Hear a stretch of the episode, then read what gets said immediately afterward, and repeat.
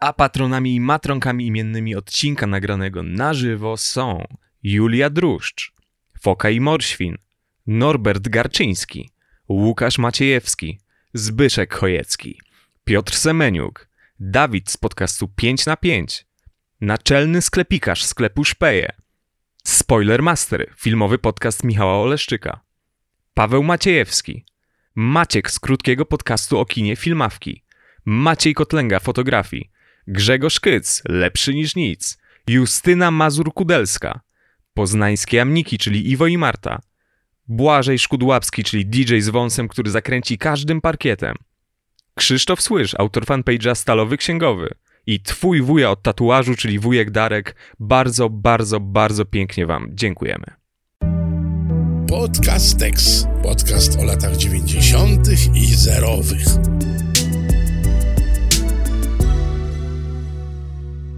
Mateusz, czy ty kiedyś jadłeś homara z grzankami i z surówką? Nie, ale nie jadłem też tej teksańskiej bułeczki, e, muszę od razu tutaj zaznaczyć, ten wątek product placementowy. E, więc chciałbym, e, mieszkałem e, kilka razy w Warszawie naprzeciwko Sobieskiego w jeszcze gorszym i jeszcze tańszym hotelu, także to tyle, jeżeli chodzi o moje spotkania z luksusem blisko stacji Warszawa Ochota. Także chciałbym, chciałbym. Jest taka bardzo sympatyczna e, sytuacja na YouTubie pod piracką wersją tego filmu, filmu, e, gdzie ktoś napisał, że pracował w restauracji Texas Ban w momencie, kiedy kręcili ten film. E, kręcono komedię małżeńską i akurat go nie było wtedy w pracy. Nie, czy był w pracy, ale się nie załapał chyba na zdjęcia. Chyba ich wyrzucano po prostu poza tak. plan, poza kadr na pewno. Mhm. W każdym razie napisał ten komentarz gość po to, żeby pozdrowić swoich byłych współpracowników, którzy pewnie też oglądają i też szukają swoich byłych y, kolegów, koleżanki z pracy, więc mm, tak. Ciekawe, czy udałoby im się zrobić jakieś takie spotkanie integracyjne po latach i w sobie Sobieskim, bo już wszyscy, wiesz, zarobieni, to by było, to by było jakieś rozwiązanie. No. Wydaje mi się, że tak. Jesteśmy tu po to, głównie, żeby nakreślić kontekst filmu, który przed chwilą wszyscyśmy um, obejrzeli, kontekst powstania tego filmu. E i zaczniemy chyba tak naprawdę w latach, no nawet nie 80., tylko, tylko wcześniej, bo, bo będziemy mówili e, i o Romanie Załuskim, czyli reżyserze filmu, e, i o Ilonie Łebkowskiej, która jest współautorką scenariusza, drugim autorem jest e, Roman Załuski, i o tym, jak doszło do ich jakże wspaniałego spotkania, które zaowocowało kilkoma filmami, które w mniejszy lub większy sposób zapisały się w historii polskiego kina, a na pewno w pamięci polskich telewidzów, powiedziałbym na, tak naprawdę. no bo, Przede wszystkim. Bo tak, bo tutaj już mhm. y, zdradzę, że oni zrobili między innymi dwie części Kogla Mogla i e, Och Karol z roku 85 jedynkę. Potem Łebkowska chyba sama napisała dwójkę bez... A, zresztą, co, będę, co ja będę mówił na temat filmu no. Karol. No tak, ale może jeszcze zanim e, przejdziemy do, do, do sylwetek, bardzo krótko. Wiem, że te Państwo wszyscy widzieliśmy film wspólnie, więc, więc e, nie mamy po co go streszczać, ale będą też osoby, które słuchają tego, więc bardzo krótko powiemy, e, o czym komedia małżeńska jest. Jest to film o, o, o, o tym, jak to bohaterka grana przez Ewę Kasprzyk budzi się feministycznie, można powiedzieć, a przynajmniej feministycznie, tak jakby to rozumieli filmowcy w wczesnych latach 90.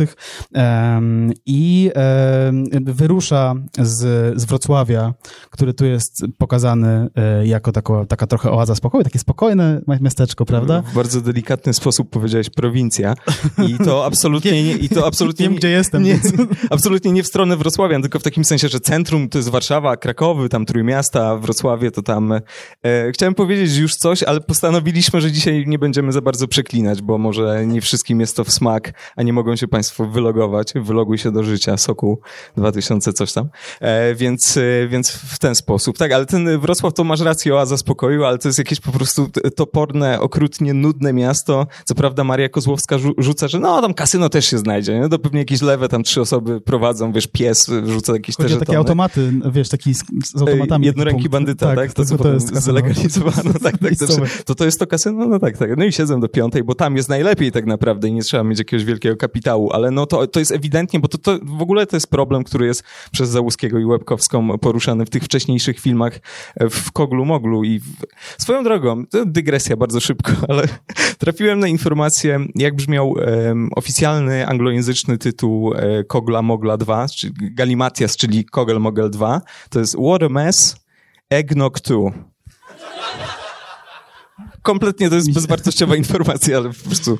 Jadłeś kiedyś eggnog, Mateusz? No właśnie tak, to, bo to jest takie, wiesz, że to, jest, to nie jest rogalik, nie? To już są, wiesz, croissanty, nie? Nigdy nie jadłem kogla mogla, muszę powiedzieć. W życiu. Nigdy Ja też nie. Ja myślę, żebym Tak? zro- zrobił to, co y, zrobił bohater grany przez Mikołaja Radwana, jak był, był chory. Po prostu zwymiotował na, na pościeli i psa, bo to jest w ogóle jakiś bardzo dziwny koncept. Ale my nie o tym, prawda? Nie, o Nie, tym. nie nie, kulinarii. zdziwiłem się, bo zawsze jak mówię te historie, że nie jadłem kogla mogla, to wszyscy reagują tak jak tutaj ktoś zareagował. A tu się okazało, że też jadłeś. Nie, nie, nie. Dobrze, e, więc e, e, bohaterka Ewa Kasprzyk, Maria Kozłowska, wyrusza w podróż do Warszawy, w której to Warszawie poznaje a no nie powiedziałbym osoby w kryzysie bezdomności tak naprawdę, bo to jest bardziej kloszard, prawda? To jest Mhm. jakby to jest ta, ta osoba, której używa się raczej tego sformułowania i jest to kloszard inteligent, kloszard inteligent który em, jest też filozofem, ma pewnie jakiś tam, e, jest związany jakoś tam z, z, z uniwersytetem, prawda? Więc, więc to jest em, nie byle kto oraz swojego byłego absztyfikanta, którego em, zagrał e, Krzysztof Kolberger e, i który posiada na swoim koncie prawie pół miliona dolarów, muszę powiedzieć. nie byle co, prawda? byle co. Nie w kij dmuchał, no. Ale to prawda, chociaż wiesz, to jest fikcyjna postać, mogli wykombinować już bańkę tak naprawdę. To, to pół bań... Ja na miejscu Marii Kozłowskiej to tak naprawdę był sens w ogóle o tym mówić przez cały pobyt, e, ale tak, tak, tak, jest to, jest to coś w tym świecie, no. A tymczasem em, we Wrocławiu mąż e, Marii Kozłowskiej, grany przez Jana Englerta, kompletnie nie radzi sobie z niczym. Nie potrafi zrobić zakupów, nie potrafi otworzyć drzwi w pewnym momencie, niosąc jednocześnie torby. E, Jest to, e, jest to wspaniałe, jak bardzo on nie jest w stanie wstać nawet tak naprawdę. Nie jest w stanie wstać z łóżka. To jest do, do tego stopnia e, postać pisana przez Ilonę Łebkowską. To znaczy, wiesz, to jest trochę też postać pisana przez polskie społeczeństwo przez kilka dekad, nie? Tak naprawdę, bo, bo tych mężczyzn takich, którzy po prostu są jakoś niesprawni umysłowo, jak przychodzi do włożenia garnka do szuflady, a tutaj jest ten myk z pokrywką, żeby tym cicikiem do dołu, to jest bardzo przydatne, ale to tak koło 17 roku życia, a, a, a chłopiec już tam e, solidnie już e, przepracował pewne sprawy, wydawałoby się. Więc tak, no z jednej strony taki hehe, safanduła, taki no, przystojny chłop, ale to w domu nic nie zrobi, nie? To jest coś takiego, więc Ilona Łebkowska sobie zrobiła postać, ale myślę, że trochę, trochę hodowaliśmy wszyscy tego typu postaci, Absolutnie.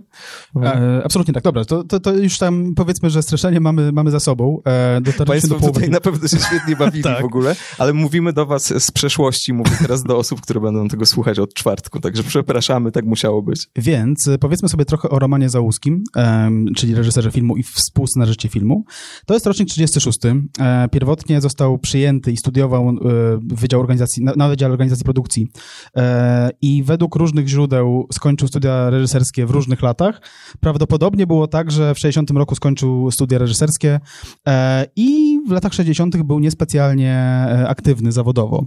Dopiero ruszył ze, ze swoimi rzeczami w latach 70., chociaż zdarzyło mu się wcześniej zagrać parę epizodów e, aktorskich. Zagrał między innymi e, w kanale Wajdy, e, więc, więc to nie byle co. I tam, o ile wiem, w kanale Wajdy pojawiło się sporo jakichś takich k- krewnych znajomych, bliższych kolegów i tak dalej, tak? Zresztą to, to młoda obsada była w dużej mierze, tak? Więc, e, więc e, to nie był żaden problem. No i tak, pierwszy głośniejszy film to była wspomniana tutaj wcześniej e, przez organizatora, prawda, tego spotkania Zaraza, e, czyli to jest film o, o, o epidemii tej krótkiej, dwumiesięcznej chyba, tak, epidemii e, czarnej ospy z, z roku 63. Film jest z roku 70 albo 71. już. Pierwszy, drugi chyba. Mo- Albo Mhm. tak. No i za, zaczął robić filmy, które e, nie były komediami, wbrew temu, e, co by można było o nim pomyśleć, dlatego że e, raczej był to gość znany z dramatów, z obyczajówek, przydarzyło mu się jakieś kino gatunkowe rozumiane jako kryminał, e, ale e, też tam dwukrotnie współpracował z Ireneuszem Miledyńskim i, i, i odpowiadał za zapomniany już nieco serial e, Znaki Szczególne. Y, Zatrzymałem się na tym, że jesteś w stanie wyłapać jakąś informację z monitora, siedząc w takiej odległości od niego i bardzo ci zazdroszczę. I wiem, że jakby przypomniało mi się, że zostawiłem okulary w płaszczu. E, ale my nie o tym, no właśnie. Czytaj sobie, proszę.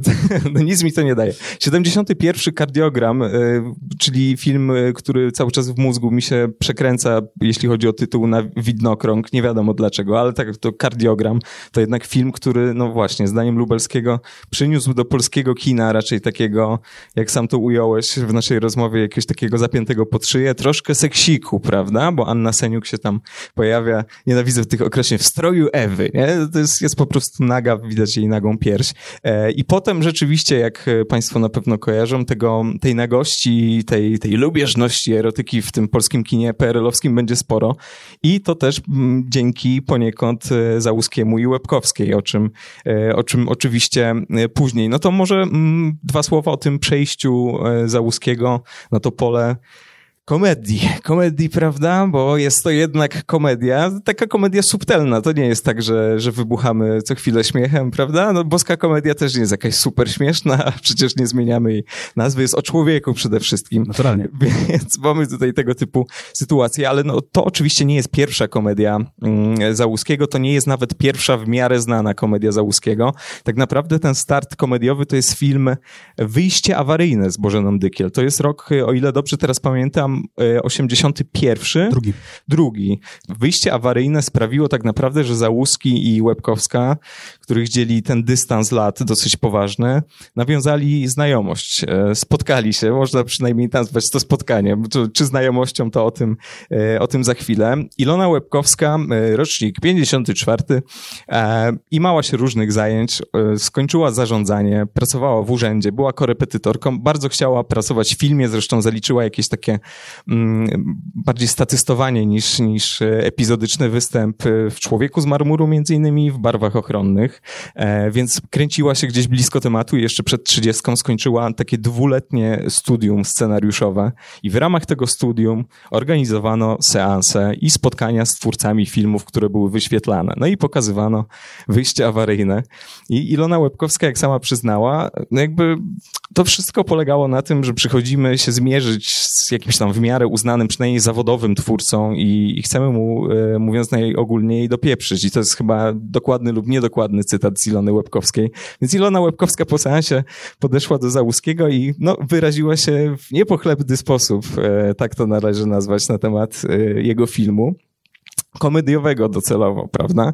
Więc myślę, że powinniśmy tutaj mm, troszeczkę streścić, e, może to będzie trwało za długo, może nie, ale to jest dosyć interesujący dokument. To jest taka historia, którą e, Łebkowska przedstawiła w e, wywiadzie dla tygodnika Przegląd.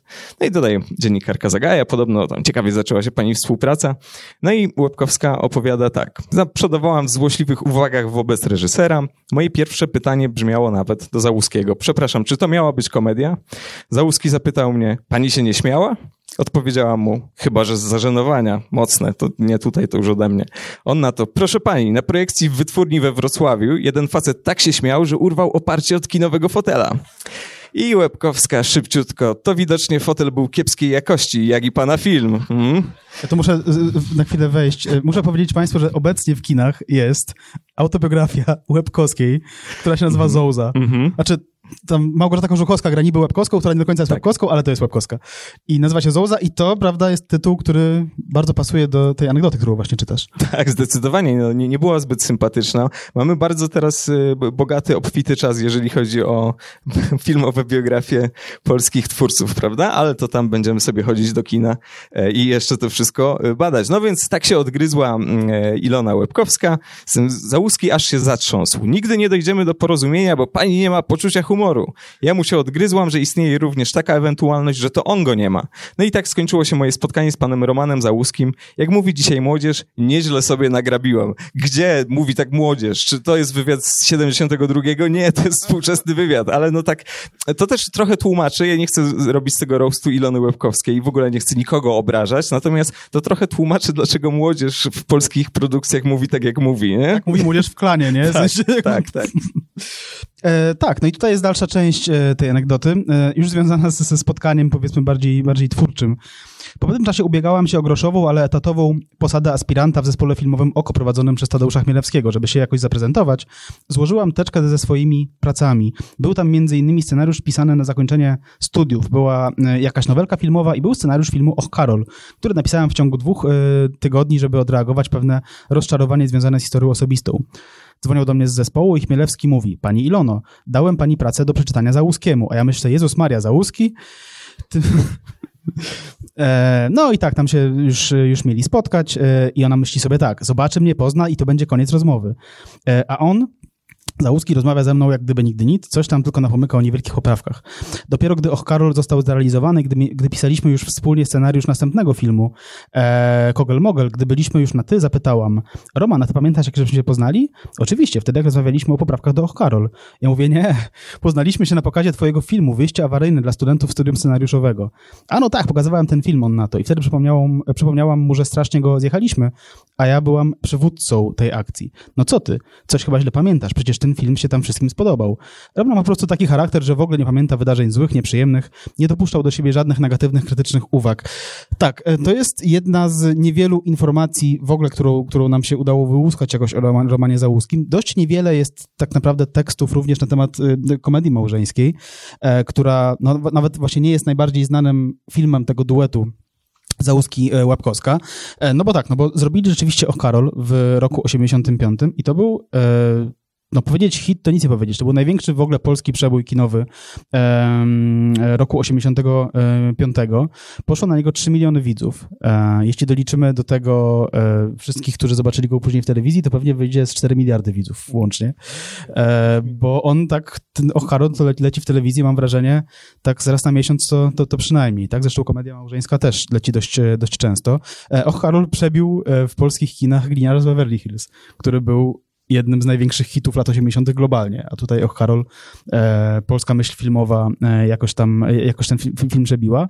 No i to był e, film, który trochę kontynuował ten, ten, ten e, powiedzmy wątek erotyczny w kinie, w kinie Załuskiego, e, no bo była to komedia, komedia erotyczna i prawdopodobnie ten fakt no jakoś tam ściągnął widzów do kina, nie? Tak, na pewno. Komedia seksikowa zdecydowanie. Tak, on, on, ten film był tak często wyświetlany, że nawet w Koglu Moglu w jedynce albo w dwójce, WRMS, Eggnog. E, jeden z bohaterów e, ogląda akurat telewizję i akurat leci Och Karol, nie? O Charles. Tak, tak, O Charles.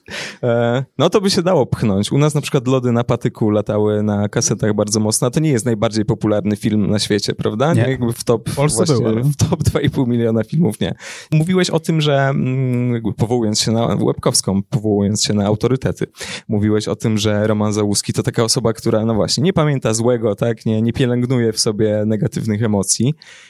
I powiem ci, że po filmie Och Karol, oczywiście dojdziemy do komedii małżeńskiej, żeby było jasne, że nie, nie, nie będzie tak jak zwykle, kiedy my nagrywamy tak normalnie, że tam dwie godziny i dobra, to teraz do meritum. Och Karol to jest jednak taki film, który wskazuje na bardzo pogodne usposobienie, bo jakby cały świat ten perelowski przedstawiony w tym filmie, on właściwie jest pozbawiony wad m, jakichś specjalnych. Tam pojawia się tylko i wyłącznie jeden sygnał e, związany z tym, że kurde, to nie jest jakby najlepsze państwo na świecie, kiedy Irena, tak, jedna z kochanek e, Karola, wydaje mi się, że Irena e, przemierza tam z nim Warszawę, no i ma plan, żeby kupić mięso koniecznie i tam jest pomysł, no a potem tam idziemy na kawę, a potem pogadamy, wink wink, bo chodzi oczywiście o seksik. E, no i co? Irena stwierdza, że no, jeżeli uda się kupić mięso, to na pewno nie zrealizujemy już tych dalszych planów. No wiadomo, chodzi o to, że kolejki jak skurczybyk e, i zresztą tak jest w sklepie na miejscu, tylko Karol swoim wdziękiem sprawia, że tak, że kupuje to, to szybko. I to jest jakby jedyny akcent, który nie, może nam sugerować, że coś jest nie tak z tym państwem, nie? Bo poza tym jest super, jakieś rauty, imprezki, koniaczki, tu wszyscy jacyś w ogóle, jakieś prestiżowe roboty, nie wiadomo skąd, nie? Jakby każdy jest inżynierem albo w ogóle modelką, jest genialnie, skutery, w ogóle motorówki, jest po prostu najlepszy z możliwych e, światów i te filmy Załuskiego, Łebkowskiej, one się tak zawsze zatrzymują, mam wrażenie, jeżeli chodzi o jakieś diagnozy społeczne. W przypadku o Karol to tam w ogóle nie, nie wyruszają w tę drogę, ale tak poza tym to tak w ćwierć, w pół drogi, nie? Że już coś jest, a że ten Kogel-Mogel to trochę o jakimś napięciu tam właśnie taka prowincja, prowincja w sensie takim no bardziej dzisiejszym, że tam jakieś wiejskie tereny i duże miasto, że coś tam tutaj też mamy wątki związane oczywiście z, z rynkiem pra, pracy w polskich 90sach, ale zwykle jak mm, trzeba dojść do jakichś takich smutnych konkluzji, to Załuski z, Łeb, z Łebkowską porzucają temat. Nie, to nie jest śmieszne, nie? To, jakby to ma być komedia, więc zostawmy to. No i tak jest, tak jest w filmie o Karol i, i w kolejnych tych e, komediach tego duetu. No. Tak, jakby nie pamiętam, z uwagi na to, że jestem rocznik 87, nie pamiętam PRL-u, muszę ci powiedzieć, ale, ale em, Ale chwilę tam spędziłeś. chwilę nie? spędziłem. Ja nie wiem, czy rzeczywiście było tak, że wszyscy ci cały czas pieprzyli w tym PRL-u w, w, w różnych konfiguracjach, po prostu w jakichś grupach, nie w grupach, pojedynczo. Ro, straszne rzeczy rodzice, rodzice nam tego nie powiedzą, powiedzieli. e, a wiedzą. Przypomniały mi się, to jest dosyć y, trudne, y, trudny i smutny temat, ale Miłosz wspominał tak lata okupacji, e, że jakby chodziło o to, żeby ten po prostu jakby ten, ten tragizm tego wszystkiego za, zapieprzyć, e, t, tak to nazwijmy, tak? Jakby fuck the pain away, jak jeszcze inni artyści śpiewali. Czy, czy tam tak było? No wiesz, nie było tak dużo możliwości, a seksik jednak jako rozrywka bardzo często się sprawdza, prawda? Więc, więc możliwe, możliwe. Możliwe. Um, możliwe też, że Harold do dziś jest super popularnym filmem. Mam takie statystyki z roku 2009, czyli tam ile y, lat po premierze? Nie potrafię liczyć. Zero w pamięci 24? 24, 24. tak. E, to jak TVP puściła ten film, to, to przed telewizorami usiadło 2,5 miliona widzów. I to było w lipcu. W wakacje ludzie nie mieli co robić tak bardzo, że, że obejrzeli sobie film, który oglądali już miliard razy. E, no i co? No i, i, duet nasz poszedł za ciosem i, i, i zrealizowali pierwszy Hogel Mogel na który poszło z kolei prawie półtora miliona widzów. To jest oczywiście tam no, sporo mniej niż na Och Karol, ale też wciąż sporo jak na końcówkę lat 80., w których powiedzmy, że e, widzowie kinowi mieli już troszkę więcej, e, troszkę więcej do, do, do, do, do oglądania. E, to 1,3 miliona widzów e, pozwoliło na, na, na zajęcie 11 czy 12 miejsca e, w krajowym box office. No bez szans z Plutonem czy, czy, czy z Krokodylem Dandim, ale, ale starczyło na przykład na Pana Kleksa w kosmosie, więc, więc, więc tak, więc tutaj, czy, czy na elektronicznego mordercę, czyli na, czyli na Terminatora, tak, też, też więcej. E, no i tak, Kogel Mogel to jest zdecydowanie najbardziej, e, najistotniejszy film tego duetu, niestety. Mm-hmm. Jest to film, którego dość aktywnie nie lubię osobiście, więc nie będę na jego temat za dużo mówił. On sporo tłumaczy, jeśli chodzi na przykład o podejście, o podejście Łebkowskiej do, do spraw damsko-męskich, powiedzmy w fikcji, nie? Nie wiem, czy tutaj są osoby, które jakoś niedawno oglądały ten film, czy pamiętają go z dzieciństwa na przykład, ale tam dochodzi do strasznych rzeczy i w jedynce i w dwójce tak naprawdę i do, do, do w zasadzie zupełnie wprost pokazanej przemocy w stosunku do kobiety. Straszne, straszne. I pokazane jako komedię swoją drogą, więc... Tak, tak, tak. No tak, no ten e, element komiczny, e, czyli Jerzy Turek, tak, który gra e, ojca głównej bohaterki, który jest takim właśnie, takim po prostu satrapą z wiejskich terenów, który jest jakiś po prostu despotyczny, cały czas drze tego ryja. W ogóle jakby dużo jest, dużo jest krzyków w tych, w tych filmach tego duetu. To jest w ogóle polska szkoła. Widziałeś kiedyś rodzinka.pl? Tak, Wszyscy tak, tak. cały czas, ten Karolak i ta Kożuchowska cały czas zrą te mordy. Jak, wy, jak wywołać humor, tak, tak, tak. No Małgorzata Kożuchowska dużo, dużo krzyczy. Ciekawe, czy w Zołdzie, prawda? To pójdziemy tak, i zobaczymy. widziałem zwiastun. Tak, tak, mhm. że? Jest bardzo niemiła dla wszystkich i bardzo dużo krzyczy. Tak, to jest tak. film napisany przez Łebkowską Łebkowski, więc... więc nie mogłoby być inaczej. No, ale w tym Koglu Moglu jakieś... Nie, nie chcę z tego robić właśnie jakiejś takiej po prostu prezentystycznej szkoły czytania filmów. Na zasadzie to jest film z 72, ale my będziemy mówić o tym po prostu z punktu widzenia dzisiejszego stanu wiedzy, bo nie o to chodzi, ale tam jest dużo bardzo przykrych momentów, bo właśnie ten duet się skupia na sprawie kobiecej, tak to nazwijmy. Mamy w Koglu Moglu tę Kasię, która no, ma jakieś ambicje, jakieś aspiracje, no, do, dostaje się na te studia, chociaż początkowo myśli, że nie, bo tam jest takie nieporozumienie. O, obejrzyjcie sobie koniecznie, no, na pewno nie widzieliście te, tego filmu. Więc z jednej strony jest zainteresowanie tym tematem, jakaś taka pozytywna wibracja, że tak powiem, jak na festiwalu reggae, ale koniec końców kończy się to jakąś tragedią po prostu. Jakby mamy finał Kogla Mogla i mamy tego Pawła, który teoretycznie ma być tym, ma być tym spoko facetem, z którym można wziąć ślub i spędzić życie, ale on jej odwala jakiś po prostu jakiś seans szantażu w końcówce i ona tak, tak naprawdę zostaje zmuszona jakby siłą do tych, do tych ślubnych rzeczy, no a w, w filmie What a Mess y, to już mamy, czyli w Galimatiasie, to mamy już kompletny koszmar, bo mamy po prostu przemoc seksualną jako część komedii, nie? No bo tam dochodzi, jakby właściwie można to przecież określić mianem gwałtu, więc no tak, taka się nam wesoła rozmowa po tej komedii małżeńskiej robi. Chodzi o to po prostu, że jakby tym jest sporo dobrych intencji, jakby zróbmy z tego, z tego coś ciekawego, nie będziemy mieli w centrum tego faceta, będziemy mieli kobietę i jej problemy w kontekście patriarchatu, ale koniec końców i tak spadnie fortepian, nie? I jakby, i tyle. I tutaj w komedii małżeńskiej, o czym będziemy szerzej mówić, jest to poprowadzone w inny sposób, ale też mam wrażenie taki trochę zachowawczo-kompromisowy. Dobrze, to co, to przechodzimy do transformacji ustrojowej, okresu, w którym w polskim kinie było tak mniej więcej wesoło jak w Oglu Moglu. Mhm. no, mecenat państwa, mówiąc w skrócie, w dużej mierze zniknął. Zniknęły stare zasady dystrybucji filmów, a, a, a, a prywatni dystrybutorzy dopiero, dopiero raczkowali, więc ciężko było sprzedać widzom polski film. Oczywiście były, bywały wyjątki takie jak psy, ale, ale, ale no, łatwo nie było i to w zasadzie... Mm, O tym mówią niemal wszyscy, jeśli nie wszyscy reżyserzy, którzy mieli okazję tworzyć najpierw w PRL-u, a potem, a potem przejść do lat 90. Z kolei jak na przykład się czyta wywiady z początku lat 90. z Pasikowskim, to on mówi, nie no super właśnie, no ekstra, teraz robicie super film, po prostu publiczność wchodzi na film i trzeba po prostu robić dobre rzeczy, a nie jak te dziady w ogóle, nie? W sensie te wywiady z Pasikowskim są w takim, w takim e, tonie, no ale właśnie, no ale Roman Załuski był e, z tego pokolenia, które e, przyzwyczaiło się do nieco innej, innych standardów, powiedzmy, dystrybuowania e, kina polskiego. Em, no i co? No i Łopkowska i Załuski napisali tę te, te, te, komedię małżeńską. Em, jak widać zresztą w filmie, zdjęcia trwały w 93 roku, bo tam się pojawia w pewnym momencie kalendarz, gdzie jest wrzesień 93. Em, polska premiera e, odbyła się w roku e, 94. Em, no i co? Mateusz, od czego właściwie zacząć tę te, te, te, te, te rozmowę? E, możemy zacząć od obsady, która jest, e, która jest dość interesująca i niektórzy zostali obsadzeni troszeczkę wbrew e, e, przyzwyczajeniom widzów, nie? No bo, no bo tak, jest Ewa Kasprzyk, która jest właściwie stałą współpracowniczką tego, tego, tego, tego duetu i stałą współpracowniczką w ogóle, w ogóle Łebkowskiej.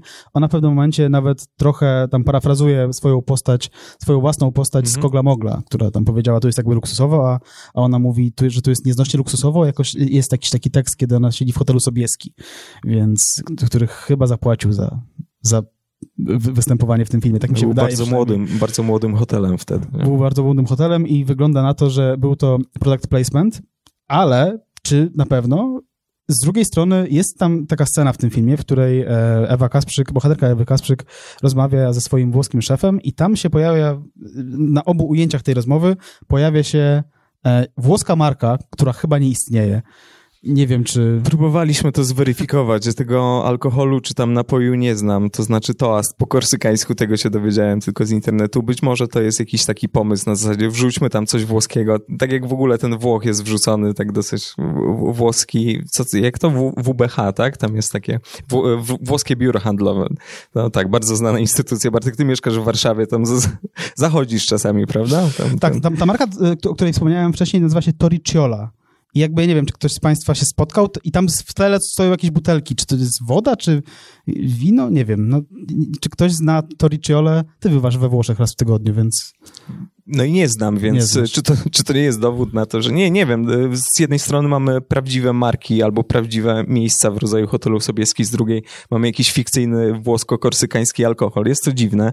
No tak, no powiedziałeś o Ewie Kasprzyk, która zdaniem Łebkowskiej ma ogromny talent komediowy. Też nie, jakoś z tym strasznie nie polemizuje, bo ona wypada dobrze w tych filmach. Co prawda ta rola, te role koglo-moglowe są bardziej jednak wyraziste, bo też ta postać jest dużo bardziej przerysowana, no i ma te kultowe teksty, e, ale całkiem, całkiem dobrze to wyszło. E, mamy Jana Englerta, który, no właśnie, w kontekście Killera się często mówiło, że no, to, to trochę jest w poprzek tego amplua, że no to jakby to, to raczej amant, raczej albo, nie wiem, koleś z serialu Dom, e, jak zwał, tak zwał, ale nie, nie komediant, ale tutaj mamy już tę próbę komediową. Nie wiem, być może my się nie zgadzamy w tym względzie. Ja wiem, że Englert stosuje tutaj taktykę krzyknę i będą jajca, ale moim zdaniem całkiem dobrze się sprawdza, je- jeżeli chodzi o aktorstwo komediowe. Kogo my tam jeszcze mamy? No mamy Wardejna, który jest znakomity moim zdaniem jako, jako e- Remek, Remigiusz e, i bardzo, bardzo dobrze to jest prowadzone. Zresztą to w ogóle Załuski Łebkowska to jest taka sytuacja trochę, nie chcę mówić, że tam smażowska albo tarantinowska, ale też taka trochę trupowo-teatralna, czyli masz pewien jakiś może nie dworek, ale pewną jakąś grupę ludzi, z którymi ewidentnie dobrze ci się pracuje i jesteście zakumplowani i oni się wymieniają po prostu jak cholera, nie? Wydaje mi się, że szef z komedii małżeńskiej to jest jednocześnie szef z Och Karol, ale y, mógłbym to jeszcze sprawdzić, czy tam właściwie są bliźniacze sceny momentami, że ten się spóźnia i tak dalej. Mamy Seweryna Krajewskiego, który musi napisać każdy z tych numerów do czołówki i do, do tyłówki, więc mamy tutaj sytuację, że, że tworzy się jakiś taki podnurcik w tym wszystkim, nie? No i co, no mamy właśnie Ewę Dałkowską tam mamy, to przecież i zapomniana trochę aktorka, z drugiej strony niezapomniane role i to tam w ostatnich kilkunastu latach, prawda Bartek? Tak, to prawda. Ewa Dołkowska znakomita w Smoleńsku. Um, Chciałem, żeby to wybrzmiało. Najlepsza z całej obsady.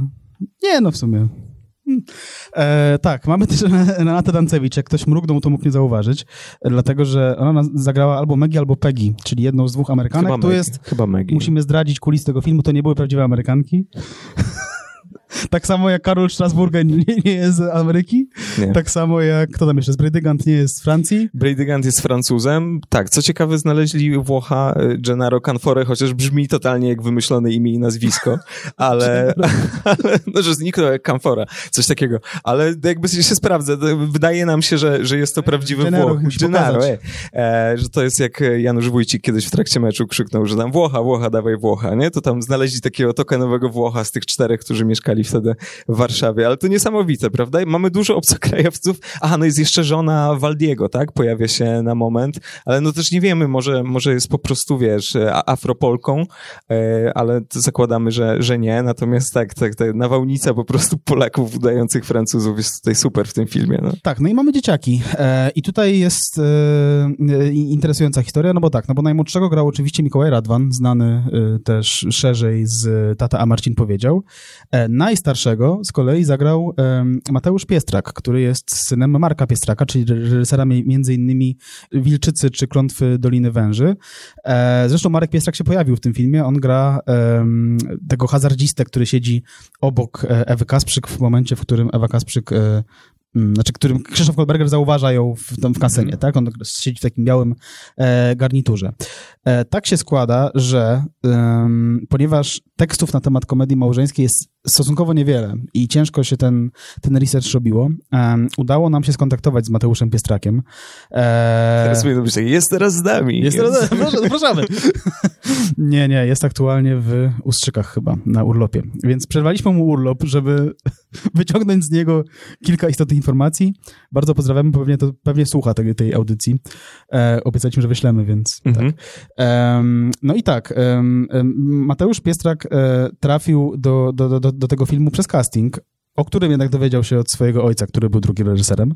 E, I, ale u, uczciwie ten casting ponoć przeszedł. E, na samym końcu zostało dwóch aktorów. I tutaj powołuje się na słowa Mateusza Biestraka. To nie jest jakaś, e, jakaś nie, nie staram się go obrazić, ale sam powiedział, że je, jeden z chłopców miał lepsze wa- warunki aktorskie, lepsze zdolności, drugi miał lepsze warunki fizyczne i ten z aktorskimi to nie był Mateusz Piestrak. Tak. No, Załuski się uparł na to, żeby tego chłopaka grał koleś, który ma 4 metry wzrostu i po prostu dopiął swego, jakby nieważne, nieważne jak gra. Tak, to ym, Mateusz Piestrak miał jeszcze, y, jak sam się nam przyznał, dodatkową motywację, bo chciał bardzo sobie kupić nowy rower, jakiś taki dosyć, dosyć drogi. Mówił, że to jakieś tam 2000 marek wtedy, czy coś w tym guście. Opowiadał nam, ile, ile zarobił na filmie, to, to możemy zdradzić tę Tak, tajemnicę. to jest tak? ciekawe akurat. To jest ciekawa sprawa. I, ile? Może, może, może Państwo tutaj zgadną, ile, się, ile taki, za taką rolę dużą tak naprawdę w polskim filmie można było zarobić w roku 93? Trzeci. Mo może być na, na nowe pieniądze. One są cały czas nowe w ogóle, to tyle czasu trwa, a, a nie na te z zerami, żeby było łatwiej. Rzucić jakąś kwotę. Niezły quizik wyszedł. Pięć stów, pięć stów padło. Wyżej, wyżej. Wyżej. Nie. Nie, to było 19 milionów na stare. Tyś- 1900 zł, jeśli dobrze, jeśli dobrze liczę. Tam 4 zera się, em, się urywało. E, więc e, e, zapytaliśmy Mateusza Piestraka, czy, czy udało się ten rower kupić. Udało się, ale dopiero po sprzedaży starego roweru, roweru czyli trzeba było e, tam dodatkowe 7 milionów doszło i, i proszę, i, i, i styknęło tych pieniędzy. Więc tak, więc e, ty- oczywiście bardzo istotne w tym filmie są wnętrza i wnętrze pokoju bohatera granego przez Mateusza Piestraka jest też bardzo istotne, e, bo jak tam pewnie nie jeden z widzów tutaj obecnych zauważył, jest e, tam sporo plakatów. E, Jest między innymi plakat zespołu Def. E, A Tak, sam, tak. sam bohater Mateusza Piestraka chodzi w koszulce Metaliki, którą to em, zakupił specjalnie do filmu. Znaczy zażyczył sobie taką właśnie koszulkę i, i te plakaty tych zespołów e, no, były zgodne z tym, czego akurat Mateusz Piestrak w roku 93 słuchał, tak? W sensie, no Mateusz Piestrak był po prostu metalem i pewnie Tak, chodził z tą tak, kostką. tak, tak. Rzeczywiście to była pewnie jego prywatna kostka, to, ten plecak. Który. Tak, tak, tak, tak, tak. No to w, ogóle te wnętrza wyglądają tak, jakby, jakby się po prostu twórcy komuś wbili na chatę, mówiąc najoględniej, bo to, okej, teoretycznie mm, scenografia ma wywoływać, znaczy zależnie od konwencji, ale może wywoływać wrażenie naturalności, ale jak Państwo oglądają jakieś takie, nie wiem, rzeczy z ostatnich, niech będzie 10 tam, czy 15 lat, czy jakieś, nie wiem, TVN-owskie produkcje, no to to prawie nigdy nie wygląda jak przestrzeń, w której mogą mieszkać prawdziwi ludzie, a tam rzeczywiście wchodzimy w środek takiego, no i właśnie, i tutaj skręcę na sekundę, bo y, zaczęliśmy od obsady, ale może jakby dwa słowa na temat tego, na ile to jest film przejściowy, taki między 80sami a 90sami, też na poziomie jakimś takim dystrybucyjnym, bo to był ten taki czas po prostu jakiegoś takiego przeistoczenia, czyli ta państwowa dystrybucja znana z PRL-u przestała działać, a ta sieć prywatnej dystrybucji, prywatnych firm dystrybucyjnych, one, one jeszcze były w powijakach, albo ich nie było w ogóle, były w jakiejś tam mgławicy, więc było bardzo skromnie, jeżeli chodzi o promocję tego filmu. Ta premiera była bardzo taka, taka przyczajona, cicha i tak dalej. No i to bardzo dobrze się w, w, wpisuje w to, że komedia małżeńska jest filmem absolutnie duchologicznym, ale nie w takim szerokim duchologicznym sensie, tylko w takim e, drędowym sensie, tak? Że ta duchologia to jest 87 do 94 powiedzmy, czyli to już nie jest PRL, ale to jeszcze tak naprawdę nie jest jakaś taka potransformacyjna Polska i jak się poczyta duchologię polską drędy, poczyta się o wnętrzach jakichś takich inteligenckich domów, z tamtego czasu, no to tutaj znajdziemy dużo bardzo podobnych sygnałów. Mamy, mamy trochę tej sosny, mamy jakieś, nie, tam chyba nie ma fotela Contiki, ale mamy jakieś takie mm, ikeowskie czy para ikeowskie, chociaż Ikea w ogóle pierwszy sklep w 90 roku w Polsce, więc możliwe, że ikeowskie, jakieś takie przestrzenie. Mamy to futro nad y, łóżkiem w sypialni, czyli dokładnie to, co mamy w serialu w Labiryncie, czyli właśnie taki element dzikości. I mamy trochę tego drewna, bo mamy z jednej strony wielką płytę, ale próbujemy oswoić tę przestrzeń, i ona się staje trochę bardziej przez to przytulna. Mamy kuchnię, która jest otwarta albo półotwarta, może tak by należało ją y, nazwać, więc, więc to wszystko w tym, w tym jest. To jest bardzo pod tym względem, mam wrażenie, ja kojarzę jakieś takie rzeczy, u mnie w domu było trochę bardziej jakby tradycyjnie, jeśli chodzi o sprawy meblarskie, natomiast moi, nie mów nic, zastanów się, co chcesz powiedzieć, e, ale moi rodzice jakoś tak, jako że mój ojciec był niespełnionym lekarzem, bo poszedł na Politechnikę zamiast na, na Akademię Medyczną, to się bardzo kumplowali, przyjaźnili z e, lekarzami. I to jest totalnie doktorskie mieszkanie, nie? Jakby wszystko po prostu wymień i jakby to, to tam będzie. I, i tak, tak, tak, zastanawialiśmy się. Jest tam trochę rekwizytów właśnie od Mateusza Piestraka, Commodore 64 w sypialni, tak jak sam przyznał, trochę tam rzeczy, rzeczy nawiózł, więc to wszystko się składa na to, że, że pod względem jakiejś takiej atmosfery, no, rodzinnej, chociaż przesyconej jakimś po prostu darciem mordy i horrorem tak naprawdę i jakimś dramatem realnym głównej bohaterki, no to można się tam w miarę poczuć przytulnie w tym filmie. Kiedyś mój znajomy, to, przepraszam, anegdota a propos tych futer na ścianie. Mhm. Pojechał do swojej dziewczyny po raz pierwszy do, do domu, która mieszka z babcią swoją i zobaczył na ścianie wisiał, e, wisiał taki dzik, znaczy futro z dzika, tak? Które było wycięte w kształt Polski. I w miejscu, gdzie była Warszawa, była Maryjka zawieszona taka. W miejscu, gdzie Częstochowa jest, powinna być. Powinno nie? być. Tak A, widzisz, no. jednak. Może chodzi o solówek. Nie Niemniej, e, niemniej tak, to takie rzeczy rzeczywiście, rzeczywiście się działy. E, też w kuchni u, u Kozłowskich e, wiszą dwa dość dziwne obrazy. Znaczy, nie wiem, czy one są koszmarne, bo jakość tego filmu nie pozwala na, na ich ocenę, ale jeden z nich ten, który wisi nad stołem, tym, gdzie jedli kozłowcy, wygląda trochę jakby był taką tablicą klasyczną, szkolną, taką, że się ściera. W sensie tam dół jest taki, tylko że to chyba nie jest tablica, bo tam jest księżyc narysowany, ale być może kredą, nie wiem. E, więc tak. I drugi, drugi obraz też jest, wygląda jak jakiś taki stos nieżywych ludzi w ogóle. Nie wiem.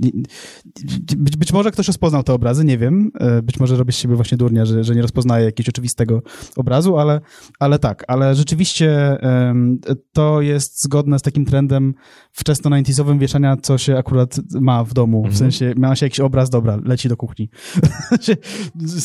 ma 4 metry ten obraz, dobra, jakoś zmieścimy, nie? tak. Um, Łebkowska w, w wywiadzie rzece, EU jak Łebkowska się nazywa ten wywiad rzeka. No, jakbyś nazwał no, tak naprawdę. Tak samo, nie? Albo jak Ilona ewentualnie. E, powiedziała, że scenariusz komedii małżeńskiej powstał... E, na podstawie doświadczeń jej koleżanek, e, między innymi, e, która tam, Łapkowska mówi, opowiada, że obserwowałam z boku moje koleżanki, które świadomie wybrały siedzenie w domu i widziałam czasem, że ich mężowie potrafią to docenić, potrafią rozumieć ich poświęcenie, no ale tam dalej mówi, że nie wszyscy mężowie. No i właśnie, no i ten, w ten sposób właśnie powstała postać grana przez Jana Angerta. To był ten mąż, który nie tylko nie potrafi docenić, ale też e, nie potrafi nic w sumie. Nie potrafi nic, bo zobacz, on ma na przykład zadanie w tym filmie przyjść do pracy i skłamać, dlaczego spóźnił się do pracy. I wybiera najgłupszą możliwą opcję. W sensie, co on sobie myślał? W sensie, wiesz, znaczy ja wiem, że to są skille akurat pisarskie Łebkowskiej, nie? Ale, ale co on myślał sobie, kiedy wy, wy, jakby wymyślił obiad? Jeszcze potem te Amerykanki miały przyjść z jakiegoś powodu? Wiesz. Eee, no tak, słabo, słabo to wygląda. To rzeczywiście idi- idiotyczne. On ich chciał przekupić w pewnym sensie, wiesz? No, że dobra, no jestem jakby frajerem, no jakby spóźniam się na... Chociaż nie, nie można już mówić frajerem, bo teraz jest dużo tego, tego MMA takiego i tam Mm. jest dużo takich więziennych klimatów, no ale jestem po prostu tam dosyć przygłupi, więc was, więc was jakoś tak przekręcę. No on nie potrafi niczego i to rzeczywiście jest jakiś taki znany model. On gdzieś odchodzi, mam wrażenie, w zapomnienie w kolejnych pokoleniach. Ten jakiś taki po prostu absolutnie bezradny mąż, który nie, nie jest w stanie nawet zrobić kanapek. Ale to tak, ale wspomniałeś o mm, książce Eujak Łebkowska, ale tutaj bardzo fajnie mm, y, jakby jest podprowadzony ten temat. No to jest tak, jako się rzekło, wywiad rzeka i e, osoba, która przeprowadza wywiad mówi w ten sposób do Łebkowskiej, że moim zdaniem to jeden z ważniejszych w swoim przesłaniu filmów obyczajowych i mówi wprost autorce scenariusza tej komedii, mądry i mało śmieszny. Coś w tym, Coś w tym jest. coś w tym jest, nie? Tak, przepraszam, to jeszcze nie wymieniliśmy jeszcze jednej aktorki, która jest istotna, to jest Dagmara, Dagmara Cypryniak, która zagrała córkę. E, I o ile wiem, podobnie jak u Mateusza Biestraka, to jest podobna sytuacja, czyli to był jedyny film e, w karierze tej młodej aktorki. W ogóle życiorysy twórcze aktorów dziecięcych i nastoletnich z kilka, kilka lat 90. to jest niezły temat swoją drogą na odcinek podcasteksu, bo to się bardzo często urywało na pierwszym filmie, gdzie w Stanach na przykład e, to było jednak rzadkie dosyć, nie? I, I też w Stanach chyba reżyserzy trochę mm, lepiej potrafili poradzić sobie z, z, z dziecięcymi aktorami. Tutaj najbardziej interesujące dla mnie było to, że absolutnie najlepiej poradził sobie ze swoją rolą Mikołaj Radwan, czyli najmłodszy z Zgoda. wszystkich. Przy czym no wiadomo, że on miał jakiś tam, był otrzaskany, tak? A z kolei Mateusz Piestrak mówił nam, że był em, tak zdenerwowany na planie, co zresztą widać, tak? Bo czasami e, on brnie przez swoje, przez swoje kwestie, co mnie nie dziwi, też pewnie bym brnął, tak? Bez doświadczenia aktorskiego, ale, e, ale tak, no, no to tak to się kończy, jak się wybiera z uwagi na warunki fizyczne, a nie warunki, na, na zdolności aktorskie.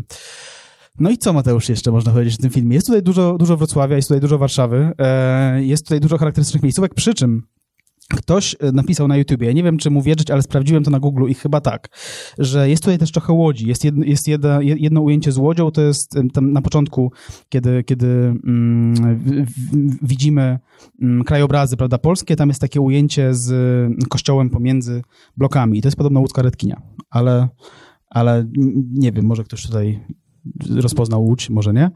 E, ale tak, ale zdecydowanie najwięcej jest, jest tego Wrocławia i, i, Warszawy. To są co więcej miasta nazwane, co jest nie zawsze, nie jest regułą w polskim kinie. Czasami em, są takie miasta, które, znaczy to jest kręcone w Warszawie, wi- wszyscy wiedzą, że to jest Warszawa, ale nikt nie mówi tego wprost, nie? E, ale kręcimy dynamiczne miasto, tutaj wszyscy mówią to wprost. Jest hotel Sobieski, wtedy jeszcze nie pomalowany, e, tak Mhm. jak dzisiaj. Trochę te kolory przypominają Solpol, te, te, te dziś, Tak, dzisiejsze, nie? Tak, świętej pamięci. Tak, dzisiaj byliśmy pod Solpolem i płakaliśmy trochę na gruzach. Tak, to 30 minut. Staliśmy i, i ryczeliśmy. Zrobiliśmy sobie pamiątkowe zdjęcie. Smutne to dosyć było, chociaż nie wiem, bo podejrzewam, że większość osób tutaj to, to wrocławianie, więc y, możecie mieć różne, różne opinie na ten temat. Podejrzewam, y, no z tą łodzią to jest jak, jakiś w ogóle trochę bezsens, żeby jakąś przebitkę tam włączać, tym bardziej, że, że no on, we Wrocławiu w, w latach 90. tych poperelowskich bloków nie brakowało i dalej nie brakuje, no bo raczej się ich nie burzy, bo, bo dlaczego? Więc y, jakiś bardzo, bardzo dziwny, bardzo dziwny ruch. A propos przemieszczania się po Polsce, Wrocław, Warszawa, ja nie wiem, nie jestem przekonany, ale jak patrzę na zmianę oświetlenia, to tak sobie obstawiam, że od momentu, w którym Maria Kozłowska wychodzi z domu, do momentu, w którym dociera do tego mieszkania koleżanki, której nie ma, bo jest w Anglii, minęło jakieś 38 godzin. Bo po drodze mamy jakieś Widziałeś to? Po prostu Tak. tam dzień, noc, dzień, noc. Strasznie, ja wiadomo, wtedy było gorzej z tym przemieszczaniem się. Że nie, teraz te koleje są takie, ale kaman, nie? To nie trwało tyle. To nie ma opcji. Mogło nie trwać. Ale z drugiej strony każdemu się... Nolanowi kiedyś zdarzyło w trzecim Batmanie, że A, Batman no, tak, wjechał tak. do tunelu w dzień i wyjechał w nocy, więc zdarza się najlepszym. Załuskiemu też, jak widać, się zdarzyło. Em, no i tak, wspomniałeś tutaj, Mateusz, o tym, że ten film był nie... Jezu, tak mówię tak B, to chyba tak nie słychać bardziej, że film był... E, nie, to, to y tak działa. To spróbuj bez, to Pe- Perek tak zrobił kiedyś w literaturze, także. E, że film był troszeczkę zignorowany mm, tak generalnie, no bo rzeczywiście był, bo zignorowali go troszkę widzowie e, i o ile strona box office'owy Zaw- Zawrót Głowy, która e, rejestruje mm, powiedzmy hity kinowe i box office'y z kolejnych lat e, polskie e, ma rację, to, to, to ten film nawet nie dostał się do tam pierwszej 48 najbardziej popularnych filmów roku 94. E, no dobra, no miał wtedy dość, do, dość mocną, moc, mocną konkurencję, ale jednak. E, próbowaliśmy szukać tej informacji na temat tego, tego, tego filmu, to rzeczywiście momentami było tak, że jak się nawet szukało em, materiałów z roku 94, czy tam artykułów prasowych, czy przeglądało się miesięczniki, czy, czy tygodniki z wtedy, to było ich bardzo niewiele.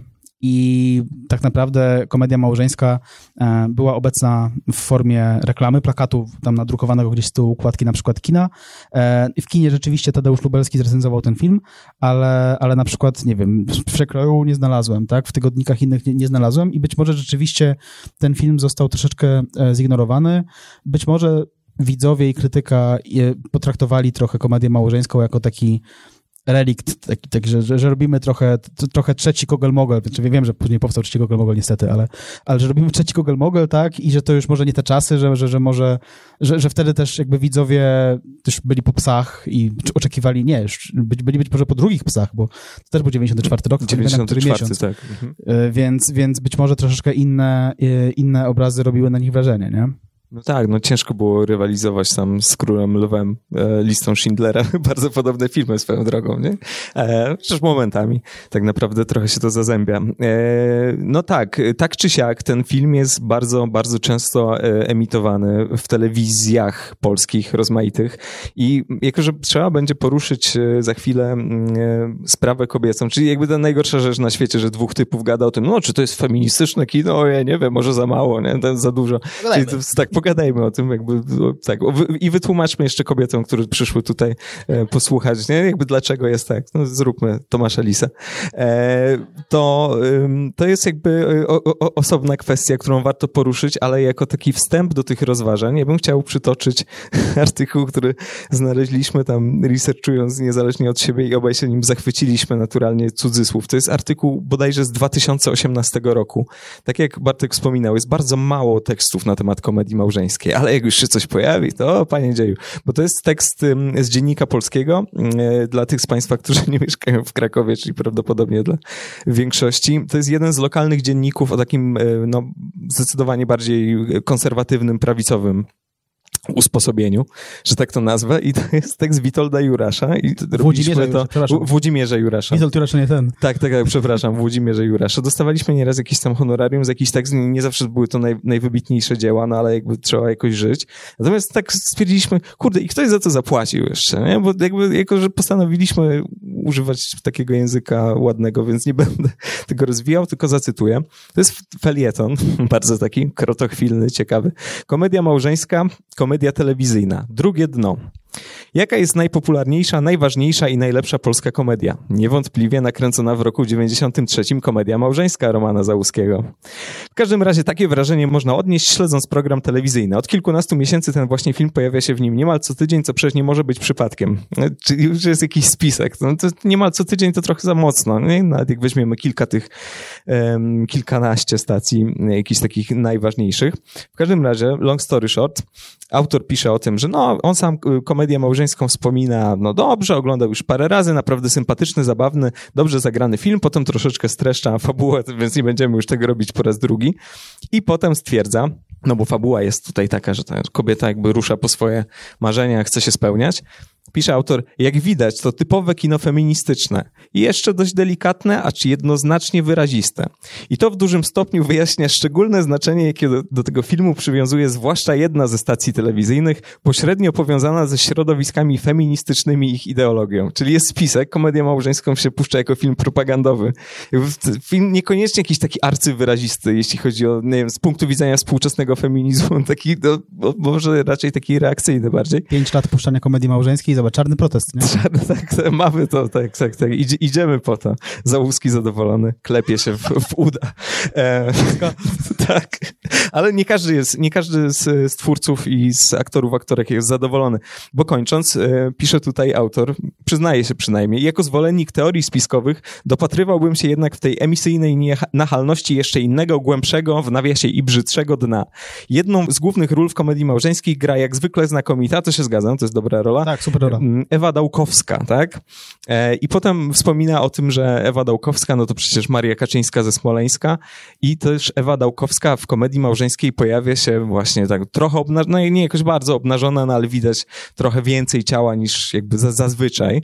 I zdaniem Jurasza jest to, jest to spisek, czyli ikona y, takiego prawicowego aktorstwa, bo sam ją tak określa w tym tekście, jest pokazana z gołym tyłkiem w filmie i dlatego te wszystkie stacje tak często to puszczają, bo, bo po prostu środowiska feministyczne chcą dodatkowo skompromitować prawicę. Tak jakby sobie sama z tym nie radziła, nie? To, tak na marginesie. No ale piękne, nie? W sensie tak naprawdę weź coś napisz, nie? Ty masz takie dobre pióro, potrzebujemy tekstu, mamy jeszcze numer do zapełnienia. To był taki, no to było coś. Nie Czy dopuszczam, że to jest żartobliwy tekst, ale, ale jeśli tak, to ten poziom żartu, nie wiem, Natomiast nie, nie jeśli nasz, chodzi nie, o Ewę Dałkowską, tak, tak na marginesie, o ile wiem, będę musiał to jeszcze sprawdzić, ale o ile wiem, Ewa Dałkowska e, do dziś rozbiera się przed ekranem, jakby, e, e, do, znaczy przed ekranem. To brzmi jakby to trwało już kilkanaście lat w ogóle.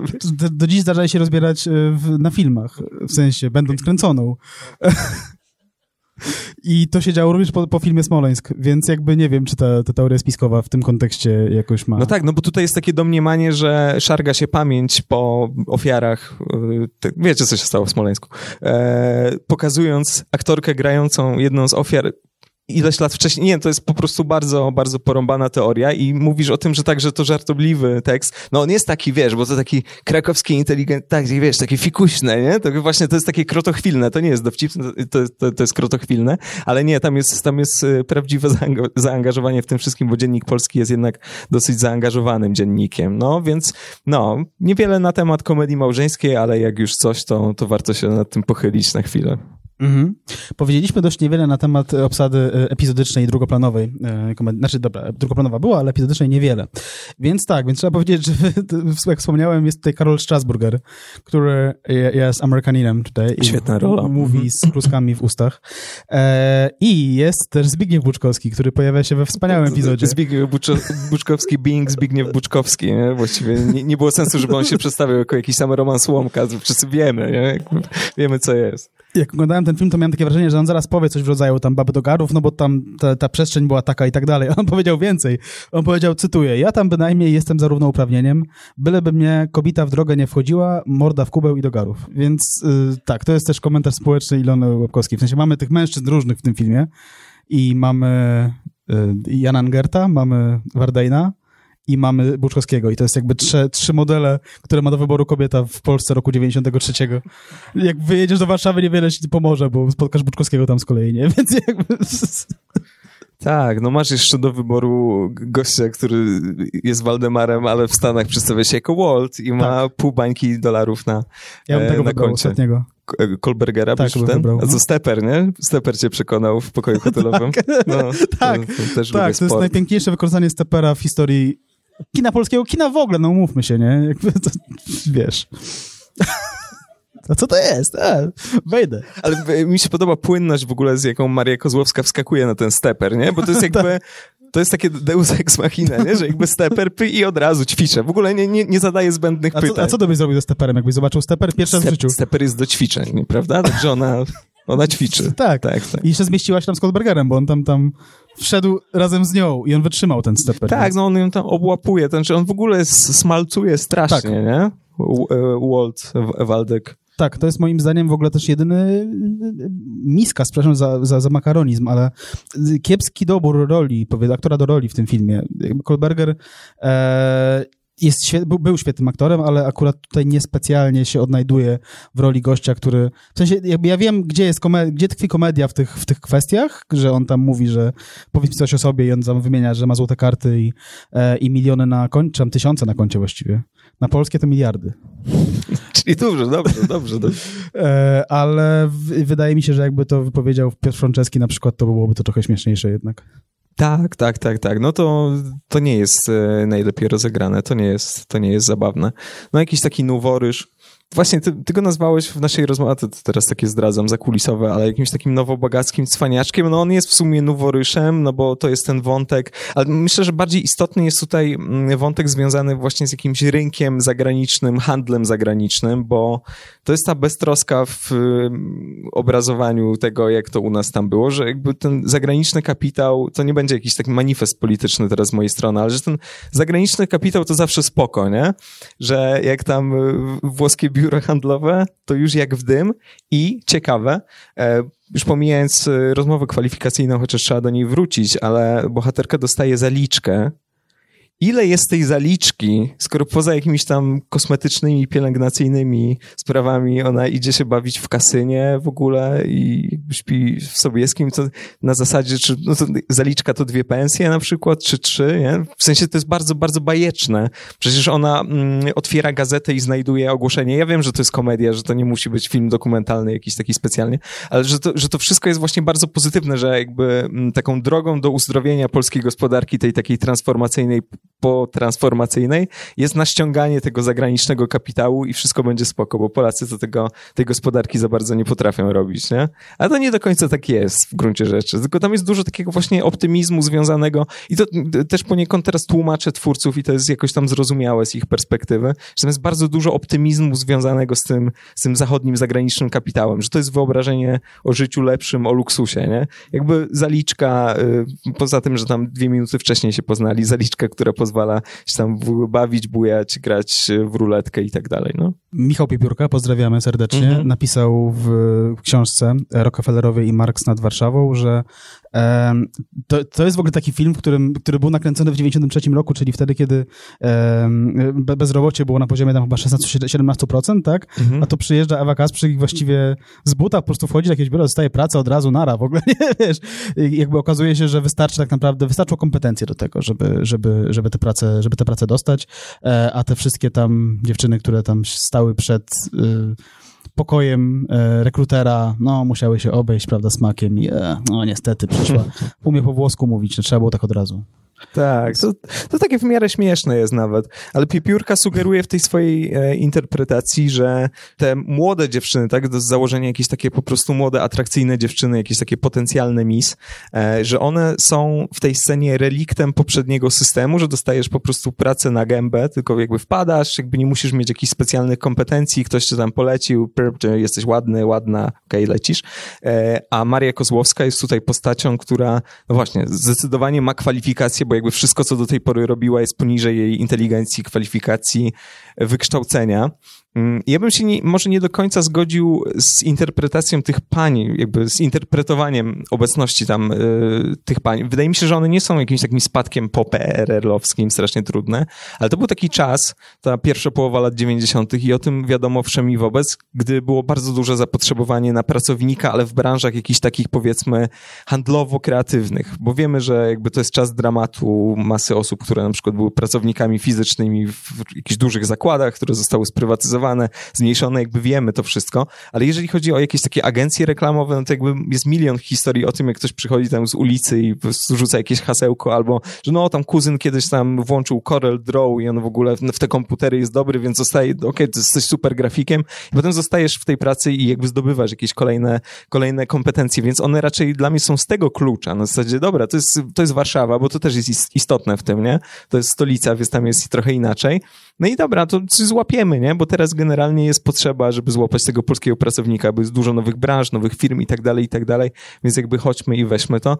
A tutaj na szczęście Kozłowska, tutaj od, oddaje się jej tę sprawiedliwość, że ona faktycznie jest tam obsadzona po kwalifikacjach. Czyli można ewentualnie to in interpretować tak, że takie wiecie, takie zatrudnianie po prostu już na pałę, tam z 91 się skończyło, to już jest 93, 94, my już potrzebujemy specjalistów. To jest o tyle zabawne w przypadku tego filmu, że ten film tak bardzo wykłada, tak bardzo, tego filmu tak bardzo nie obchodzi e, kwestie, nie obchodzą kwestie społeczne. Tak, tak, tak. Że nawet jak pojawia się tutaj osoba w kredycie bezdomności, to jest osoba, która wybrała kredyt bezdomności.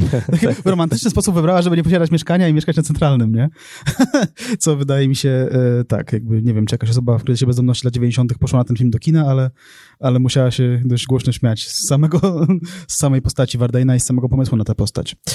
Tak, no tutaj trzeba przyznać, że Łebkowska przynajmniej przyznała się, że Wiktor jest z życia oczywiście, a... Wiktor, czyli Jan Englert. Czyli Jan Englert, a Wardein Remek jest, jest absolutną fantazją i jakby tego typu postaci, tego typu postaci tam nie ma. Zresztą ten jego model życia i też zostaje potem skompromitowany, bo on koniec końców nie jest już tym artystą życia, który jest po filozofii i tam się buja po tym centralnym, bo, no bo chce po prostu być poza jakimś takim obiegiem czysto właśnie, wiesz, ekonomiczno, gotówkowo, jakimkolwiek tylko on po prostu uciekł, bo już nie chciał być ze swoją żoną i po prostu jest łachudrą tak naprawdę, co Joanna Kurowska, znaczy postać chyba bezimienna, nie pamiętam, którą, którą gra Joanna Kurowska, jak, jak zwykle, po prostu spuszcza mu tam mimi, mimi. I to się wszystko jakoś rozłazi, więc tam się te kolejne modele życia, mam wrażenie, kompromitują. Ten taki lekko duchowski um, Remika, um, on się kompromituje, ale też skompromitowany zostaje ten, ten taki ultra luksusowy, bo koniec końców ten film zmierza do jakiegoś takiego kompromisu. Na zasadzie, okej, okay, jesteś osobą, która ma pewne kwalifikacje i jakby nie, nie może być tak, że ci to skazuje, że mąż cię skazuje na to, żebyś była po prostu tylko i wyłącznie gospodynią domową, gdy nie chcesz być tylko i wyłącznie gospodynią domową, ale nie te homary, nie ten, nie ten Walt i tak dalej, tylko znajdźmy jakiś taki złoty środek. Nie dajmy zwariować. Nie dajmy, tak. I tym feministkom, tak, i temu to, Wiktorkowi, prawda? Bo to trochę jest tak, jak, jak ci ludzie, którzy mówią, że no ja nie lubię żadnych skrajności, nie? Jakby ani feministek, ani nazistów. Jakby tak, totalnie w ogóle świetnie ustawiłeś w ogóle wahadło, nie? Jakby wiesz o co chodzi, że najlepiej, żeby było gdzieś po środku. To Załuski taki trochę jest, nie? Mm. Że tam jakby Och Karol, że ten Och Karol też nie potrafi tam niczego, po prostu ledwo jest w stanie wziąć sam prysznic, nie? Po prostu te kobiety koło niego latają, robią mu te ciasta i koniec końców ta żona, jak się mści, że tam sobie znajduje jakiś trzech ananasów z wąsami, nie? I też będzie miała kochanków, że to jest takie wszystko, wiesz, no to też zrób tak samo, nie? I pod tym względem to, to, jest takie średnio feministyczne, bo e, nie wiem, no już były oczywiście takie pisma w obiegu już dawno, dawno temu, ale jakby ten feminizm rozumiany jako naśladowanie jakichś takich męskich wzorców, no to on jest taki już wiem, że trochę robię teraz to gadanie o feminizmie, ale on już jest taki trochę starawy, tak? To, to Iri Garay jakby pisała o tym, że trzeba stworzyć jakiś nowy model tożsamościowy, a nie jakby małpować, mówiąc najogólniej, to co męskie, nie? A tam jest to takie właśnie, że a, ja też będę miała kochanków i pryjesz, wszystko się ułoży. No tak średnio, nie? Jakby te rozwiązania, które podsuwa Załówski z Łebkowską są takie no, żeby takie w miarę status quo jednak zostało, nie? Niech ona robi dalej te kanapki. Ale niech chodzi, dobra, czasami do tej pracy, nie? Ale jednak niech robi kanapki i niech z tym Wiktorkiem będzie. Nie w Warszawie a nie po jakichś Warszawach, po jakichś sobieskich szlajesz, no. Tak, to są tutaj jeszcze takie dwa wątki, mini wątki, które, które są nie, nie, nie rozjaśnione do końca, przynajmniej myśmy ich nie rozjaśnili. Być może ktoś z Państwa wie. Po pierwsze, co ogląda Jan, Jan Engert w scenie otwierającej? To jest trailer jakiegoś amerykańskiego filmu. Ja próbowałem się dowiadywać przed e, dzisiejszą naszą rozmową, ale, ale niestety nie, nie udało mi się, no ale to też jest bardzo ładny znak czasów, że tutaj Jan Engert ma aż dwa filmy do obejrzenia wieczorem. Jest, nie jest zainteresowany seksem z żoną jest zainteresowany oglądaniem filmów sensacyjnych amerykańskich, tak? Co jest być może też jakimś tam komentarzem polskiego kina do tego, co się wtedy działo w umysłach polskich widzów. A po drugie, jest tam taka scena z Katarzyną Dowbor, która zagrała cameo, która uczy się samoobrony. I ja w pierwszej kolejności pomyślałem, że to jest Piotr Cyrwus, że to jest Rysiek z klanu. I nie ma tej informacji nigdzie. W sensie Piotr Cyrwus nie widnieje w żadnej bazie internetowej przynajmniej jako odtwórca tej roli. Ale też odtwórcy tej roli nie ma w żadnej bazie internetowej w ogóle. Mm, W sensie to jest wielka tajemnica polskiego kina, Muszę- myślisz? trzeba Tak? skontaktować się z Piotrem Cyrwusem i zapytać, czy to on, czy to on był przewrócony przez Katarzynę Dobór. Piotr Cyrwus, który jest pod wpływem Venomu, tego z, jakby Batmanowskiego, Tak. Ba- potem Bane się robił takiego, no tak trochę to wygląda. Jakby Tak. dla mnie nierozwikłanym wątkiem jest jeszcze to, i tutaj nie odpowiemy sobie na to pytanie, dlaczego się tak leje tego psa w ogóle? Jezus Maria, jakby u Wajdy, u Wajdy męczyli konie na planie, u Załuskiego psiunia cały czas dostaje, przecież ona tylko idzie się przywitać. Ona idzie powiedzieć dzień dobry, a oni tam wszyscy po prostu, wiesz, jakby za, za pysk i bardzo to jest Za brutalne. fraki. Za fraki. Mi było naprawdę przykro i jakby tak współczułem. Jak się nazywa pies Basza? Basza. Basza, współczułem bardzo Baszy i tak, tak być nie powinno. To, to, to, to mi pozostawiło jakieś takie, wiesz, taki niesmaczek po tym filmie jednak. Dla mnie to wszystko było bardzo spójne. Wszyscy dro- drą na siebie mordy w I, domu. i biją psy. Biją no tak. psa. Tak, tak. A gdyby to był Piotr Cyrwus, który gra tego psa, to bym to jakoś, bo to człowiek, a, a to jest prawdziwy piesek, nie? Ten pies był takich rozmiarów, że tam mógł w środku, to był w środku dorosły mężczyzna. Dlatego. On był zrobiony z tego, co wisi tam nad y, łóżkiem w sypialni w ogóle, nie? Czy tam jakiś y, oświetleniowiec, to weź tam tego Basza zagraj. Dlatego tego psa mogli bić, no bo, no bo po prostu to był po prostu Polak, tak? Więc... y, tak, e, do, dochodzimy, docieramy chyba do końca. No tak, skoro to się wyjaśniło, to już...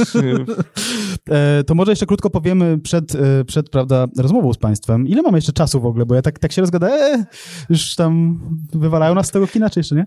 Półtorej Em, minuty. To krótko bardzo.